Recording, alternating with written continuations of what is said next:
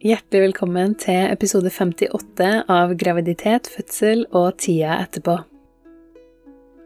Mitt navn er Anette Hummel, og i dag har jeg med meg Bente Sommerfelt.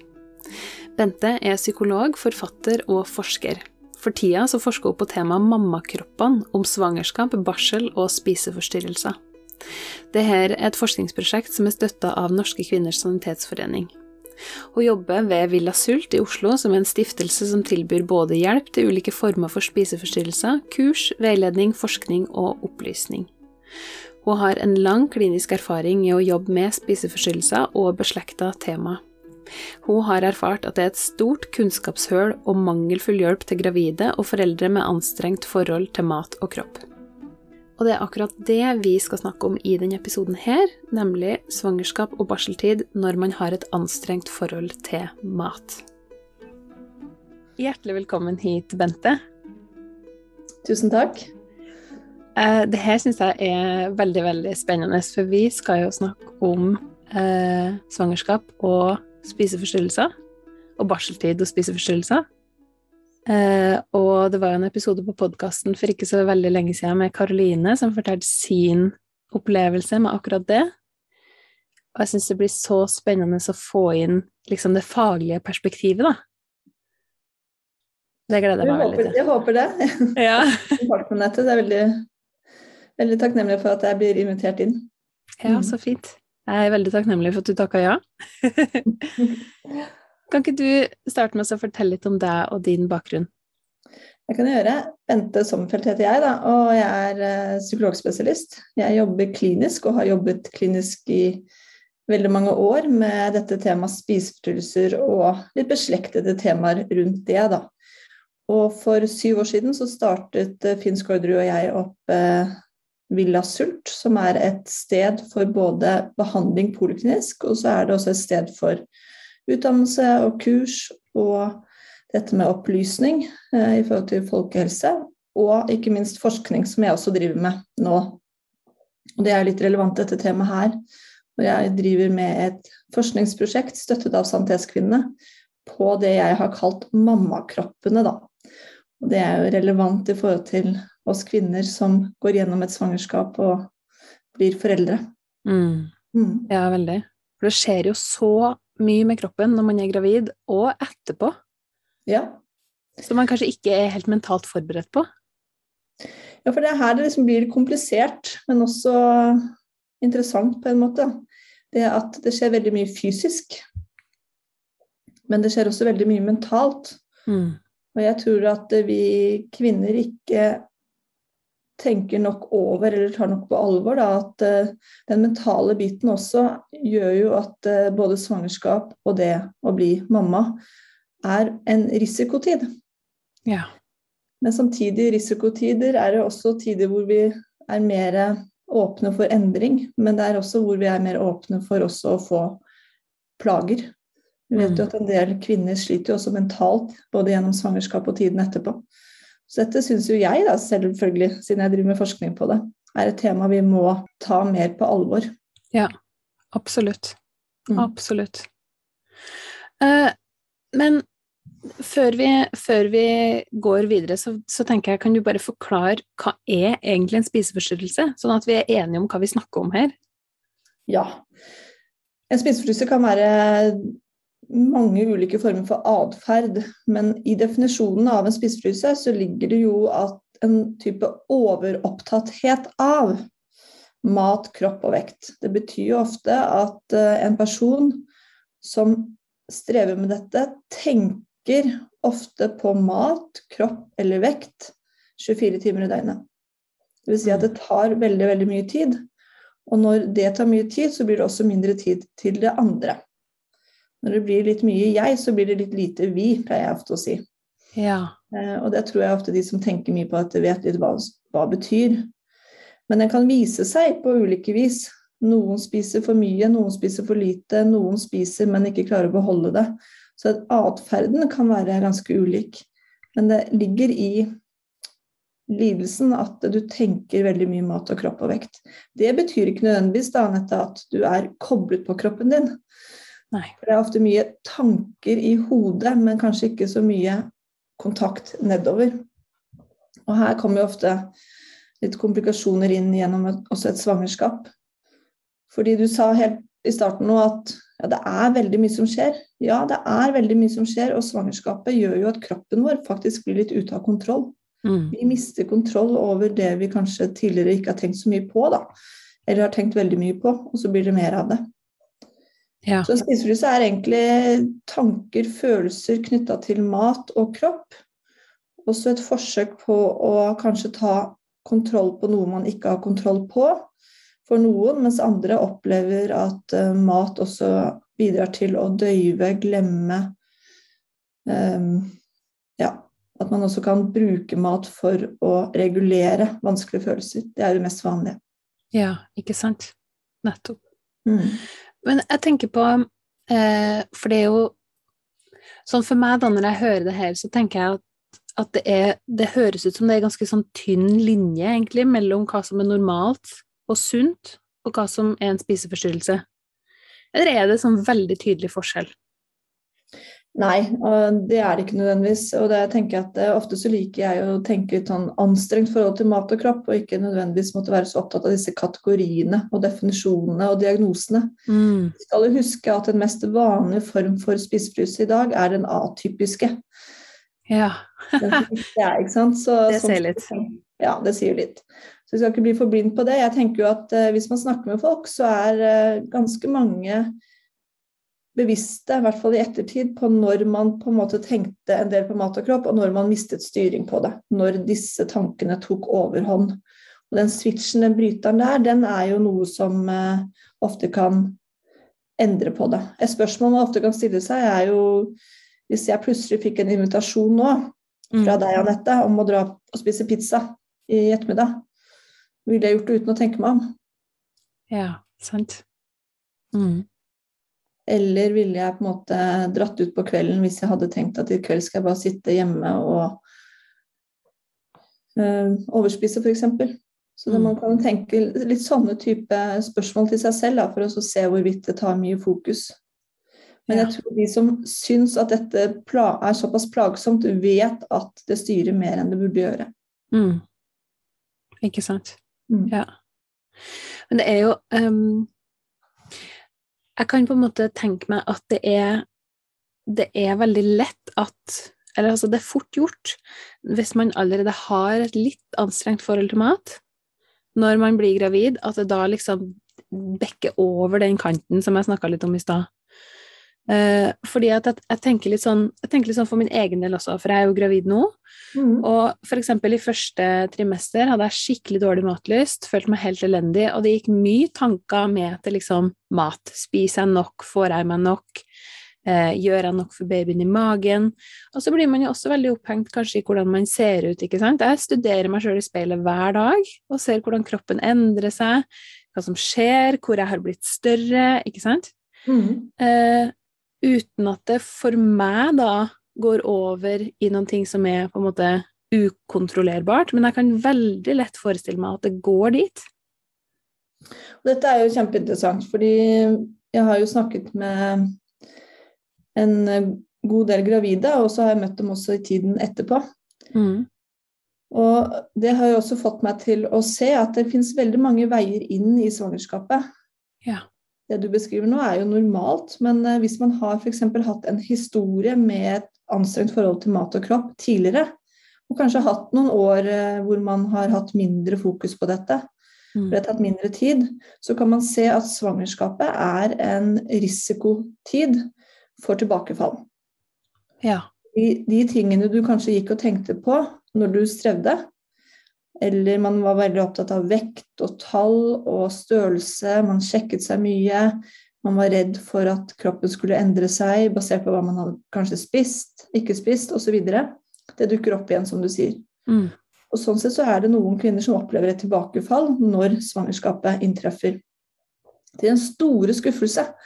Fordi man har hørt at svangerskap vil ofte gjøre at ting blir bedre. Og før var jo kanskje svangerskap en tid for hvile, på en måte, at man skulle liksom kunne unne seg ting og kunne slappe av.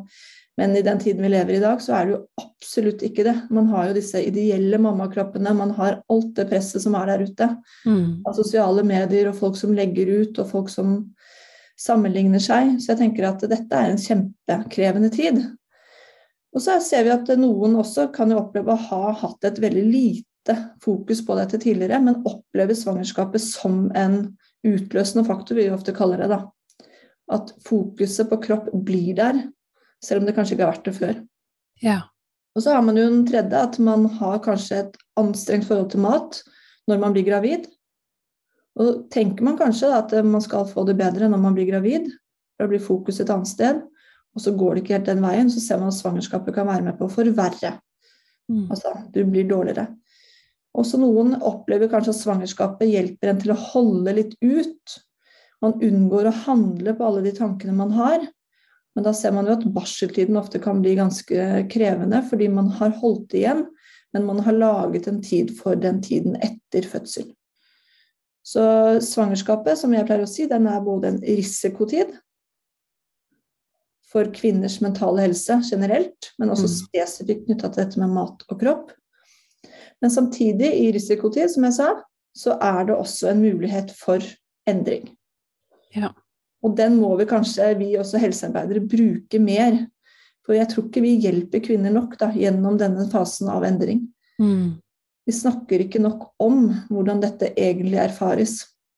Nei. Og så er det som du sier også, Anette, nå snakker jeg, da, men eh, det er jo nettopp det at eh, svangerskap og spiseforstyrrelser har veldig mye slektskap. Kroppen er i forandring. Det er det jo mange med spiseforstyrrelser som også må gjøre noe med, og man må endre seg i Mm. form av også vekt. Eh, vekten flytter kanskje inn igjen i huset, noen som man har jobbet med å få vekk. Ja. Eh, Matlysten endrer seg, men man kommer også på helsestasjonen, og det første man møter på helsestasjonen, er en liste over hva du kan spise, hva du ikke kan spise, hvor mye mer du bør få i deg, Mm. og hva du bør gå opp i av vekt. Så tallenes magi kommer tilbake. Ja. Både vekt og målebånd, faktisk, på helsestasjon. Ikke sant? Det er vekt, målebånd og regler for mat. Og ofte sterke anbefalinger for vekt. Ja. Hvor mye og hvor lite.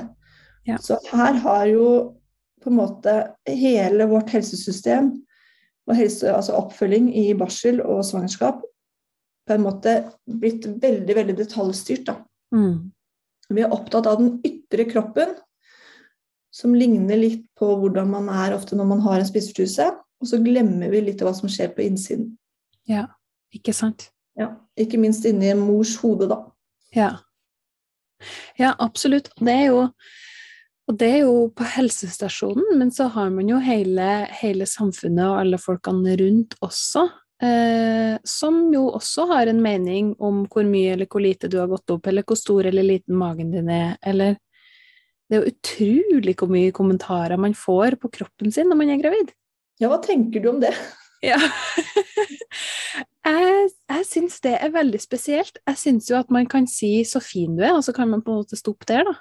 Mm. Altså, eller du gløder, eller eh, så flott du er som gravid, eller altså eh, For det er på en måte eg- Egentlig så er det jo helt likegyldig hva liksom tante Bertha mener om størrelsen på min gravidmage, Mm. eh, men, men sjøl Altså sjøl jeg som føler at jeg er ganske sånn eh, trygg og stabil i forhold til mitt eget kroppsbilde, da, hvordan jeg ser meg sjøl, så, så merker jeg at jeg blir påvirka av det.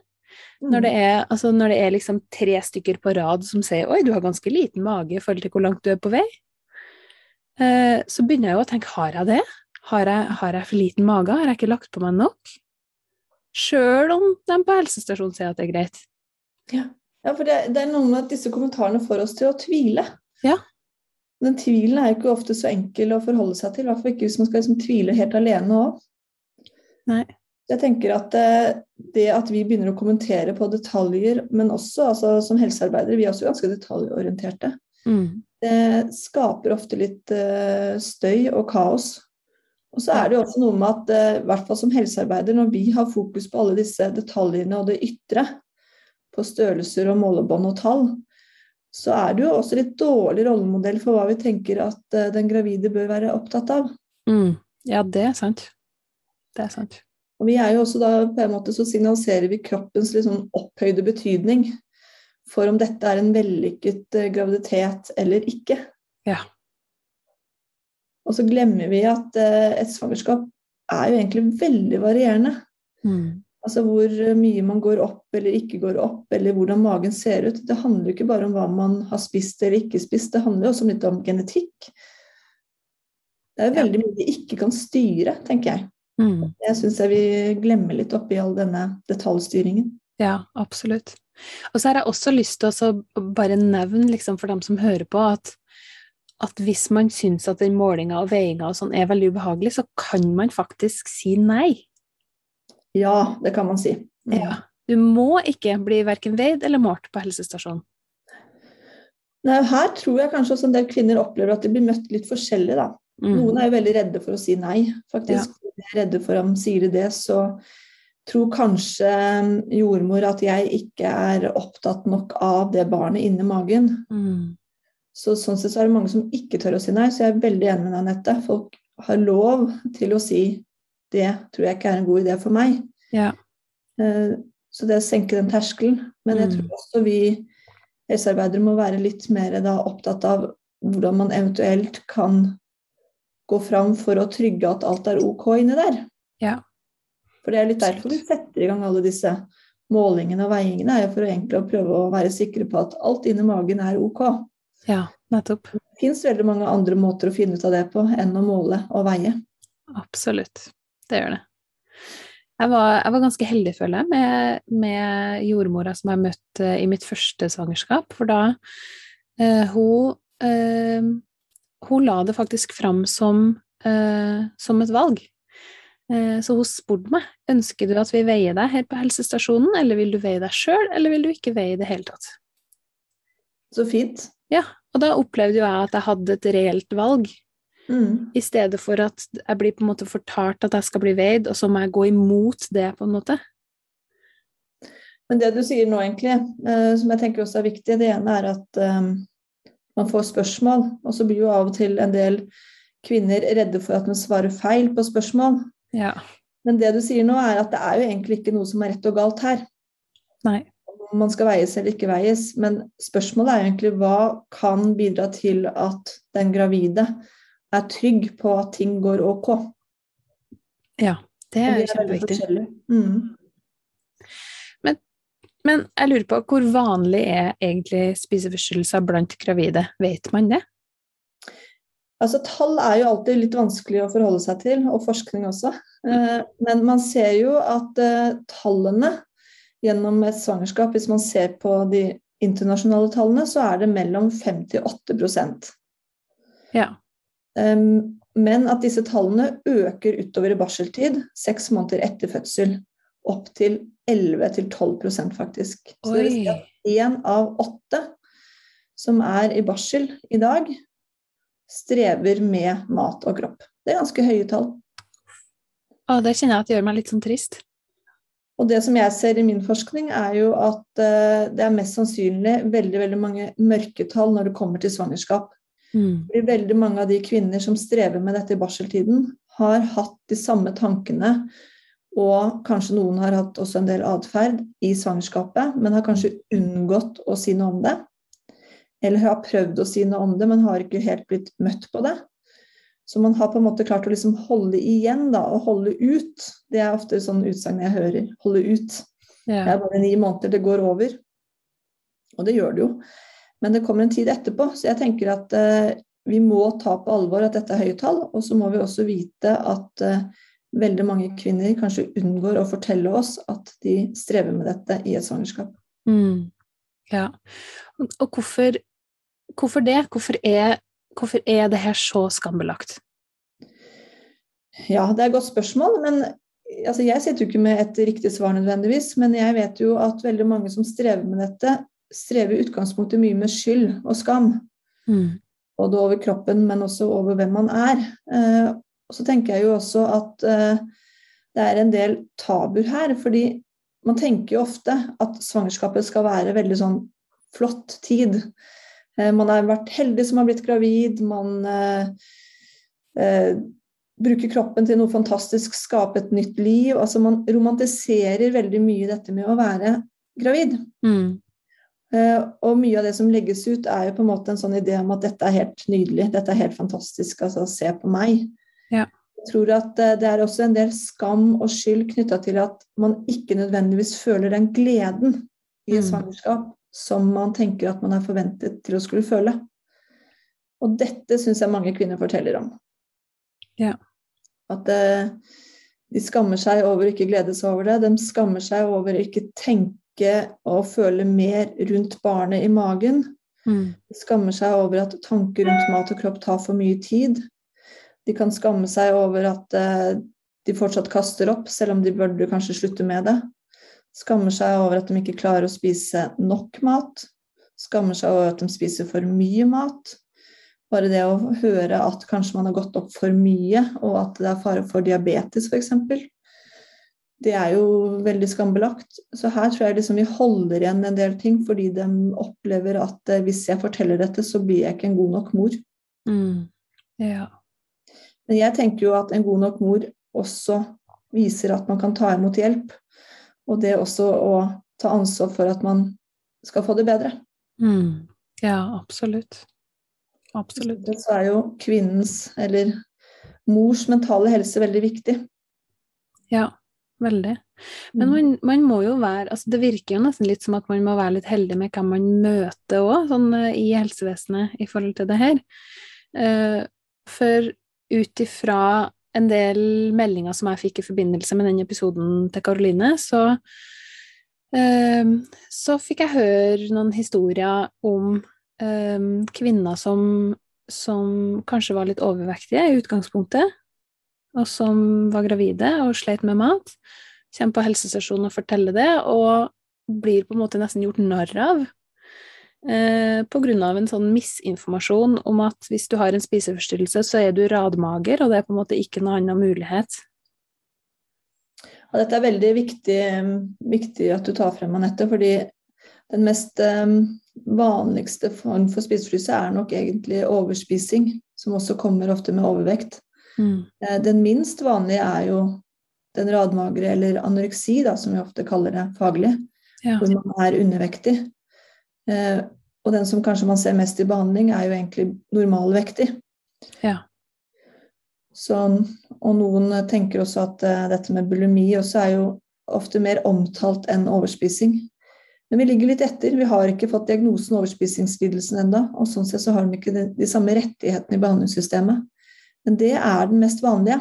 Mm. Og det er nok også en gruppe mennesker som strever mer i et svangerskap. Og ofte får det verre i svangerskapet eh, knytta til mat. For da mister man ytterligere styring over eh, både matlyst og inntak. Mm. Så det, da blir jo ofte maten ut av kontroll, og også vekten. Og da tror jeg vi helsearbeidere, når vi møter på overspising og overvekt, så uten at vi nesten tenker over så tror jeg vi driver mye med sånn fatshaming. Ja. Veldig. Og det som ofte jeg erfarer også at kvinner forteller meg når de møter på helsestasjonen med en overvekt i et svangerskap, er jo ofte kostholdsråd. Mm. Og det kan jo bringe bare ytterligere inn skammen. Fordi man får disse rådene som man ikke klarer å følge. Det er jo forferdelig trist. Ja. Så at vi ikke bruker tid til å spørre hva er det som gjør da, at man mister styring over maten, eller hva er det som gjør at uh, vekten går såpass raskt opp, f.eks. Prøve å liksom mm. være litt interessert i hva som skjer, mer enn å skulle på en måte komme med disse rådene om mat og matinntak. For det virker ikke. Nei. Kostholdsrådene virker ikke. Nei, ikke sant. Det, det, er et veldig viktig poeng, tror jeg. fordi at det er jo ikke det er jo ikke fordi at man ikke vet hva som er lurt å få i seg, og hva som ikke er bra å få i seg, for det hadde på en måte vært så enkelt, så hadde det jo ikke vært et problem. Nei, nettopp. Det hadde jo, vært, det hadde jo bare handla om informasjon, men det er jo ikke det det handler om. Nei, altså Det handler jo om at uh, maten er noe man bruker for å regulere, rett og slett. Mm. Uh, og når man kommer inn i et svangerskap, så er det jo ting som er veldig ute av kontroll. Det er mye endringer som skjer, som også skjer rundt mat. Ja. Og man får jo fort mye cravings, f.eks. Mm. Cravings på ofte ting som ikke står på den rådet over kostholdsplanen. Man, man får en del hangups Mm. og den type ting. Så jeg tenker jo at eh, vi må jo mer være opptatt av å forsøke å tørre å spørre de spørsmålene som gjør om hva som blir vanskelig. Ja, Hvor ting går ut av kontroll. Absolutt. Og jeg tenker, jeg tenker litt på en ting. Um, jeg tenker litt på det her med uh, med spiseforstyrrelser og helsa til barnet i magen. Uh, hva er på en måte Hvordan, hvordan henger det sammen? Hvor, hvor skadelig er det på en måte for barnet i magen at man har en spiseforstyrrelse? Jeg vil jo veldig, altså jeg vil si at det er jo ofte noe som bringer inn komplikasjoner. Mm. Det er jo en del risiko knytta til ulike former for atferd, da. Eh, Men uten at man skal på en måte gi mer skyld og mer skam til folk. For jeg tenker at det hjelper jo ikke. Og det hjelper heller ikke å skremme folk. Nei. Men det er jo sånn at har man et barn i magen Jeg liker å kalle det barn og ikke foster. Men Ja. har man et barn i magen, så er det sånn at det barnet er veldig avhengig av mammaen sin. Mm. Og alt vi gjør, har en direkte kobling til dette barnet. Så sånn sett så er det jo liksom å ikke tenke på at det vi driver med og strever med, det påvirker også barnet inni magen. Men det som jeg tenker er jo at det her er jo litt mer komplisert enn å si bare det ene, altså det fører til det. Men hvis man skal liksom forholde seg til forskningen, så ser man jo at uh, dette med lav vekt gjennom et svangerskap f.eks og litt feil og skjevt inntak av på en måte mat og ernæring vil jo ofte kunne bringe til for tidlige fødsler eller lav eh, kroppsvekt hos eh, fosteret eller barnet som Mm. kommer. Eh, Det kan bringe inn noen utfordringer knytta til hodeomkrets og den type ting. Og overvekt vil jo også kunne bringe inn diabetesproblemer, diabetes 2 hos barnet. Så det er en del komplikasjoner som vi vet kan føre til. Men det som vi også må huske på, er jo er mor stressa gjennom et svangerskap. Mm. Er mor også mentalt plaget i et svangerskap, så påvirker det òg. Ja. Så det er jo et ønske jeg skulle Altså jeg ønsker at vi som helsearbeidere sammen med den gravide også kan tørre å ta mer det på alvor. Mm. Om det er depresjon, om det er angst, om det er eh, at spiseforstyrrelsen har blitt verre. Men det å også tenke at det å ta vare på mors psykiske helse har en positiv effekt på barnet. At Mm. ikke vi bare blir opptatt av atferden, men mer prøver å på en måte liksom ha litt fokus på dette med å ha det ålreit, da. Ja. ja, det er nok kjempeviktig.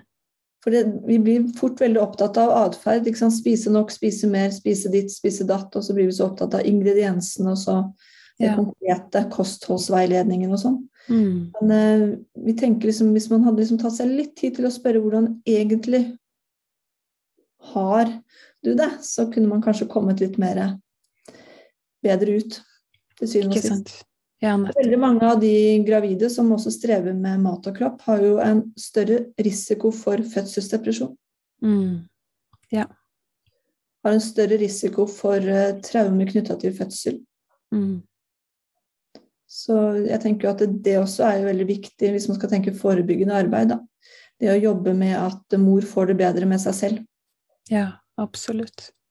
Og der er det et viktig vindu, da, som vi ofte sier i terapi. Eller motivasjonsvindu. Svangerskapet er jo en stor endringsprosess for oss kvinner, og i endringsprosesser så er det også ofte muligheter for å kunne se nye ting, få nye perspektiver, både på seg selv, men også livet. Så Mm. det er jo også en veldig fin tid hvor man kan jobbe med seg selv, da. Ja, ikke sant. Ja, det er mye muligheter i svangerskapet. Ja, vi skal inn i en ny rolle. Vi skal Mm. bli mamma. Ja, Mm. ikke sant. Det er jo uh, Det er jo litt sånn uh, det, Altså, det er mye sånn misoppfatninger rundt uh, det her med mat og kropp, føler jeg. Og, og folk som ikke ikke sliter med det, og aldri har slitt med det, har gjerne Altså, det er lett å ha en litt sånn oppfatning om at det er et valg. Det å ha en spiseforstyrrelse er et valg. Og hvis du velger det, så, eh, så betyr det at du ikke vil det beste for barnet ditt, eksempel. Um, så jeg syns det er veldig viktig, det du, det du, snakker om rundt det her med, med skyld og skam, at det er viktig å ikke bygge opp under den, men å heller på en måte åpen for at nettopp det at du er åpen om det, og nettopp det at du ber om hjelp, det betyr at du ønsker det beste for barnet ditt. Ja. Og dette er jo liksom grobunnen til skam og skyld, som du sier, Anette. Fordi tenker man at uh, dette er et valg, så er det som om du gjør et dårlig valg for barnet ditt. Mm. Det er jo nettopp det som ligger i et anstrengt forhold til mat og kropp, er jo at det er en overopptatthet av Det er ikke et valg, men det er ofte noe som tar litt styring. Og det vi må skjønne, er at både kropp og mat virker, i hvert fall på kort sikt, til å regulere, til å kontrollere, til å ta styring. Mm. Altså det blir fort et uh, fokus som kan ta vekk fokus fra andre ting. Uh, det å være opptatt av ting som er på det ytre siden. Når man har en liten, litt lite indre kontroll, så kan man bli opptatt av ting der ute. Det gir jo mening, på en måte. Ja. Eh, og det er det dumme med spisefryser, er at det er jo ofte en løsning på noe. Mm. Altså, ofte hjelpere sier at det blir jo et problem, og dette vet jo ofte en del mødre også, at dette blir jo også et problem. Mm. Men det virker jo også. Mat funker. Altså, mat funker, og mat er veldig emosjonelt. Ja. Derfor så sier man ofte at uh, man trenger veldig mye av det. ja. Uh, Ikke sant. Mat, uh, døyver jo, det får deg til å glemme. Altså, noen kan jo få mer matlyst av å ha en kjærlighetssorg, andre kan få miste den. Mm. Men mat er veldig emosjonelt. Appetitten vår er veldig emosjonell. Ja, og veldig sosial. Mm. Og veldig sosial. Ja. Det er jo det vi ofte glemmer med spiseforstyrrelser. At det sosiale forsvinner litt. Mm. Og den biten kan man kanskje tenke at man kan utnytte litt hvis man er gravid og skal bli mamma eller har flere barn. Så er jo også det å jobbe med å få andre måltidsrutiner sammen med barnet en fin måte også å jobbe med sine egne rutiner på. Ja, ikke sant? Ja, fordi det, det tenker jeg litt på nå. Det er hva, hva kan man gjøre hvis man, hvis man har en spiseforstyrrelse og er gravid eller er i barseltid, og enten om man hadde den spiseforstyrrelsen før man ble gravid, eller det har på en måte blitt trigga i svangerskapet og utvikla seg da, eh, hvordan kan man eh, hva, kan man gjøre for å ha et godt svangerskap og eller en god barseltid hvis man er i den situasjonen? Det første som vi har egentlig snakket om, det er jo å ta det på alvor, og ved å ta det på alvor, så går man også og oppsøker hjelp. Ja. Eller man deler noen av de tankene man har med noen, om det er med jordmor, om det er med en god venninne, mm. eller om det er med en behandler. Så tenker jeg at det er liksom første skritt. Det andre er jo å ta det på alvor, men også ta seg selv litt på alvor. Ved å tenke over hva man eventuelt kan ha fokus på som kan gjøre at det kan bli At du kan glemme den i kroppen litt, da. Mm. At du kan glemme det litt. For noen så kan det jo hjelpe å være litt mer bevisst, f.eks. på hvem er det jeg følger på sosiale medier. Hvilke blogger, hvilke type kontoer. Eh, og det kan jo kanskje være en idé av og til å ta bort noen. Ja. For noen får en til å føle seg bedre, andre får en til å føle seg verre. Mm. Og vi vet jo at uh, veldig mange av oss kvinner sammenligner oss jo med folk der ute. Så det også å tenke litt på hva er det man sammenligner seg med, og hvem, mm. det tenker jeg er en fin bevissthet, da.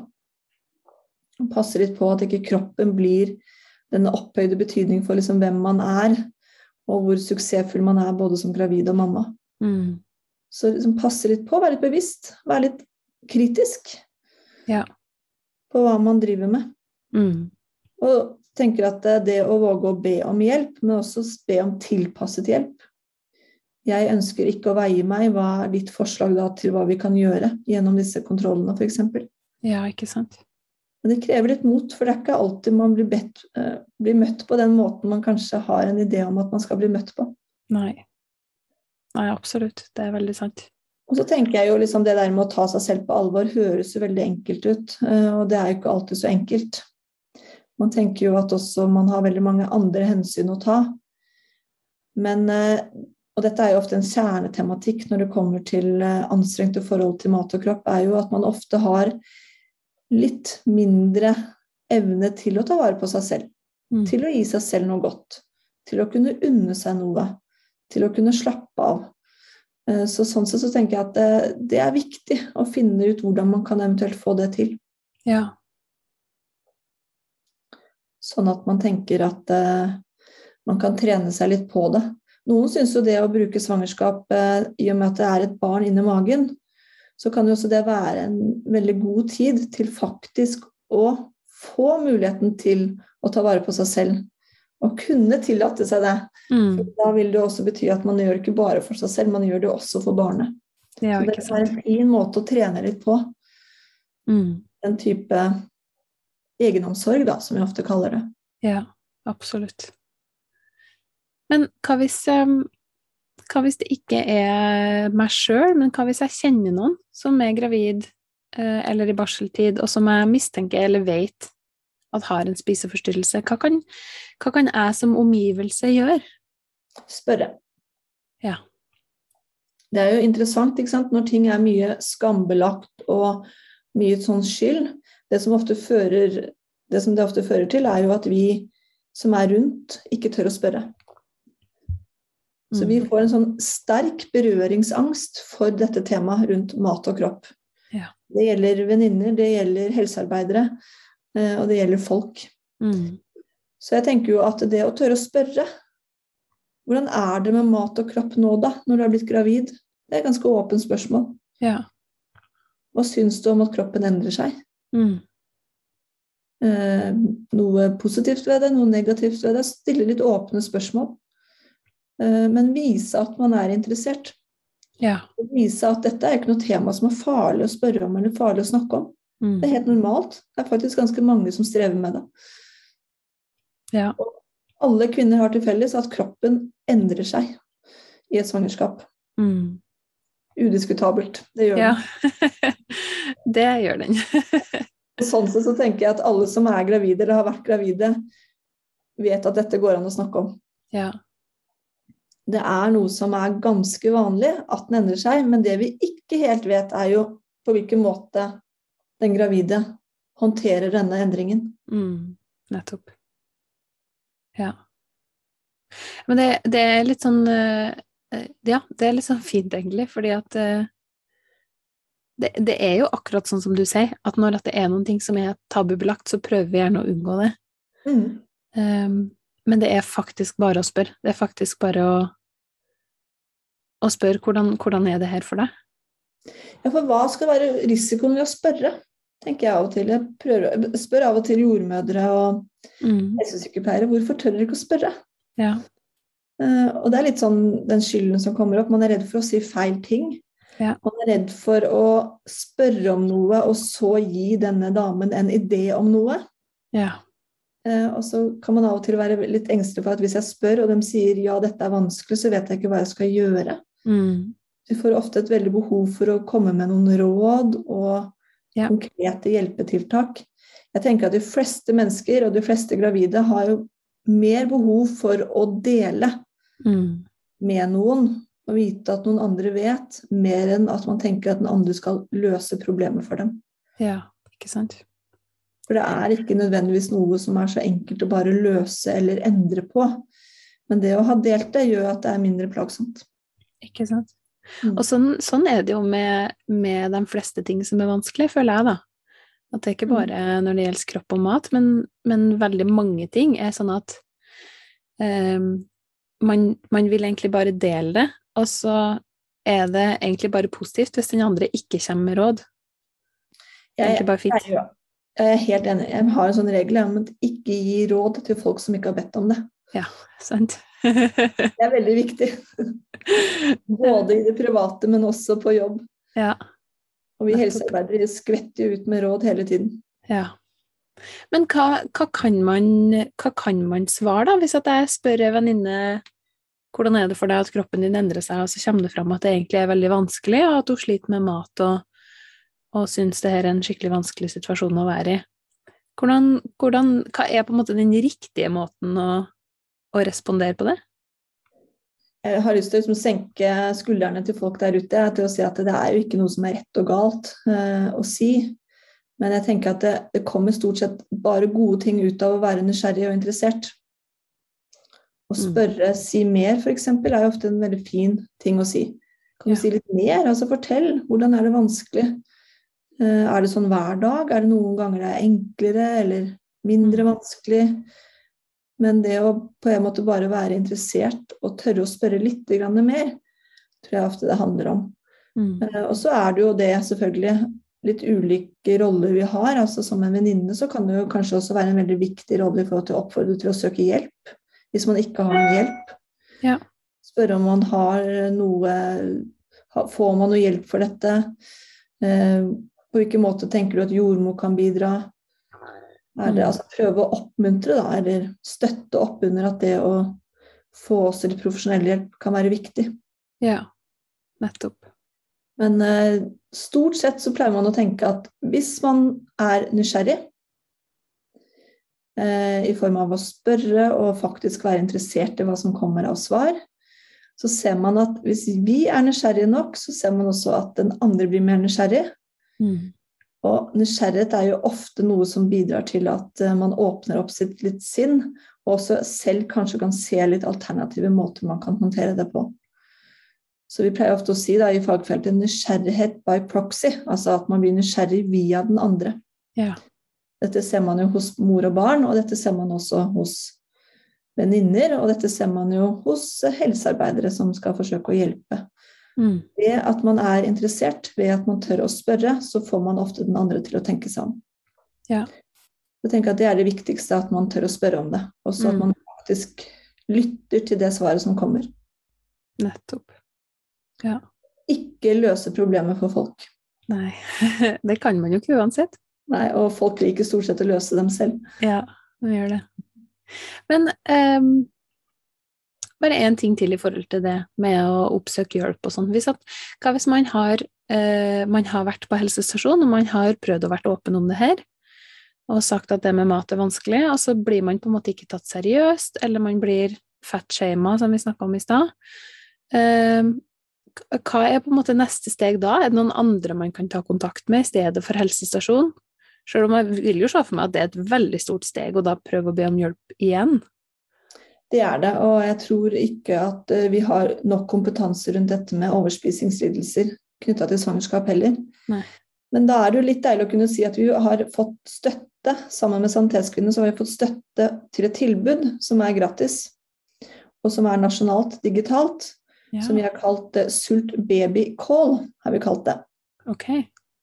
Og det er en tjeneste som uh, vi startet denne uken. På onsdager så skal man kunne ringe oss, eller både enten via skjerm da, eller via telefon. En trygg tjeneste som skal være anonym, hvor både den gravide eller en mamma eller en helsearbeider kan ta kontakt med oss, som sitter med ekspertkompetanse på dette feltet, og spørre om råd og hjelp og støtte.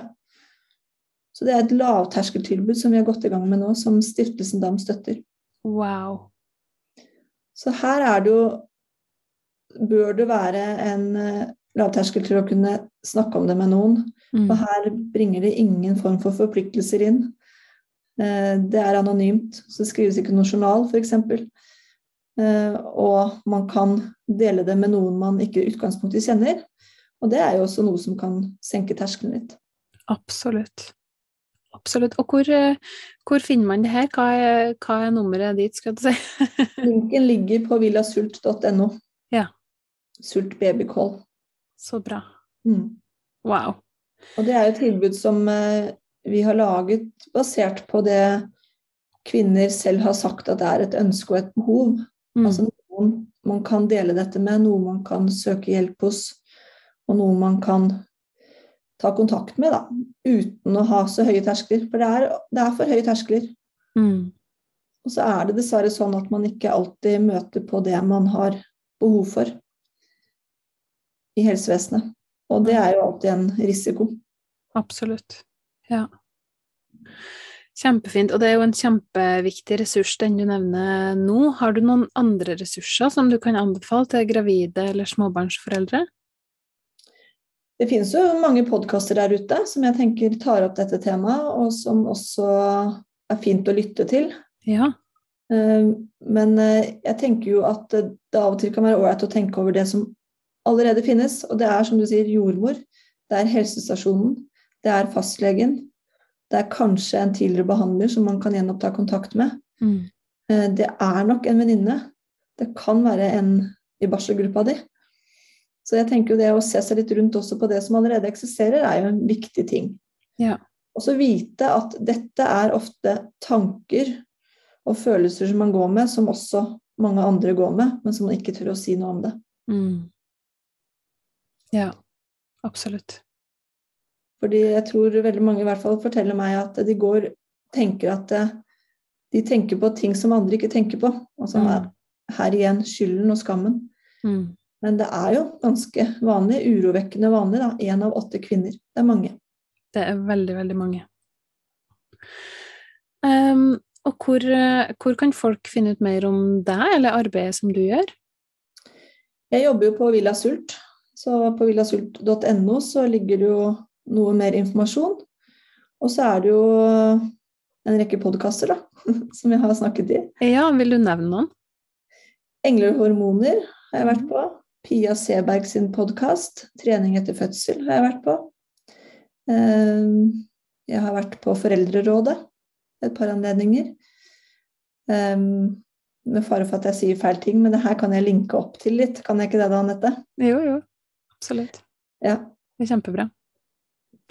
Så jeg tenker jo at uh, dette er noe vi bør snakke mer om, og man tenk, trenger ikke å tenke at man skal ha en spiseforstyrrelse for at man skal heller oppsøke hjelp rundt dette eller be om tilpasset hjelp. Veldig mange kvinner går rundt og har et anstrengt forhold til sin egen kropp Mm. og kjenner på en kroppsmisnøye eller ubehag knytta til kroppen. Eller man opplever at svangerskapet gjør at ting går litt ut av kontroll. Fordi matlysten endrer seg, man ender opp med cravings, man ender opp med oppkast, man ender opp med kvalme. Mm. Og her er det jo å tenke at søk om hjelp i tide.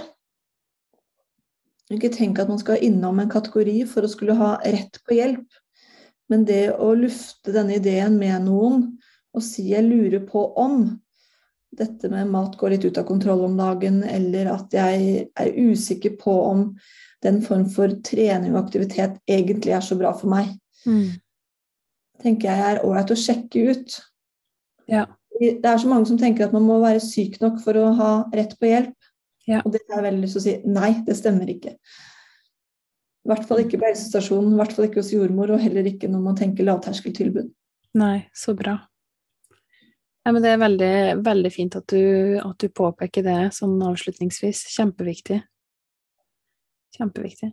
Tusen hjertelig takk, eh, Bente, for, eh, for denne kjempe, ja, veldig interessante og informative episoden. Jeg har lært masse. Ja, det håper jeg du ikke bare sier for å si det, da. Anette. Nei. Jeg skal sjekke ut. Nei, jeg gjør ikke det, altså. Jeg syns det er kjempe, kjempeinteressant. Jeg tror, det er, jeg tror det er mange som kan få god verdi ut av, ut av det, du, det du deler, den kunnskapen som du, som du innehar. Det er veldig fint å snakke med deg også, Anette. Så fint. Så takk skal du ha. Tusen takk. Takk for at du hørte på graviditet, fødsel og tida etterpå. Hvis du liker denne podkasten, så er det kjempefint om du vil gå inn på Patrion og støtte podkasten med et lavt beløp i måneden. Det starter på bare 40 kroner i måneden. For å være med og støtte opp under og sørge for at podkasten kan fortsette i lang tid framover. Og til gjengjeld så får du forskjellige ting tilbake fra meg. Hva du får, det kan du se på Patrion. Bare følg linken i episodeteksten. Ditt bidrag betyr kjempemye for meg og for podkasten og for alle de fremtidige lytterne som forhåpentligvis får stor glede og nytte av å høre på episodene. I tilfelle det var noen tvil, så vil jeg også nevne at jeg ikke er verken lege eller jordmor. Temaene som tas opp på denne podkasten er kun ment som generell informasjon, ikke som råd eller oppfordring til handling. Hvis du har spørsmål eller bekymringer når det gjelder din egen eller ungene dine sin helse, så vil jeg på det sterkeste anbefale at du snakker med legen eller jordmora di.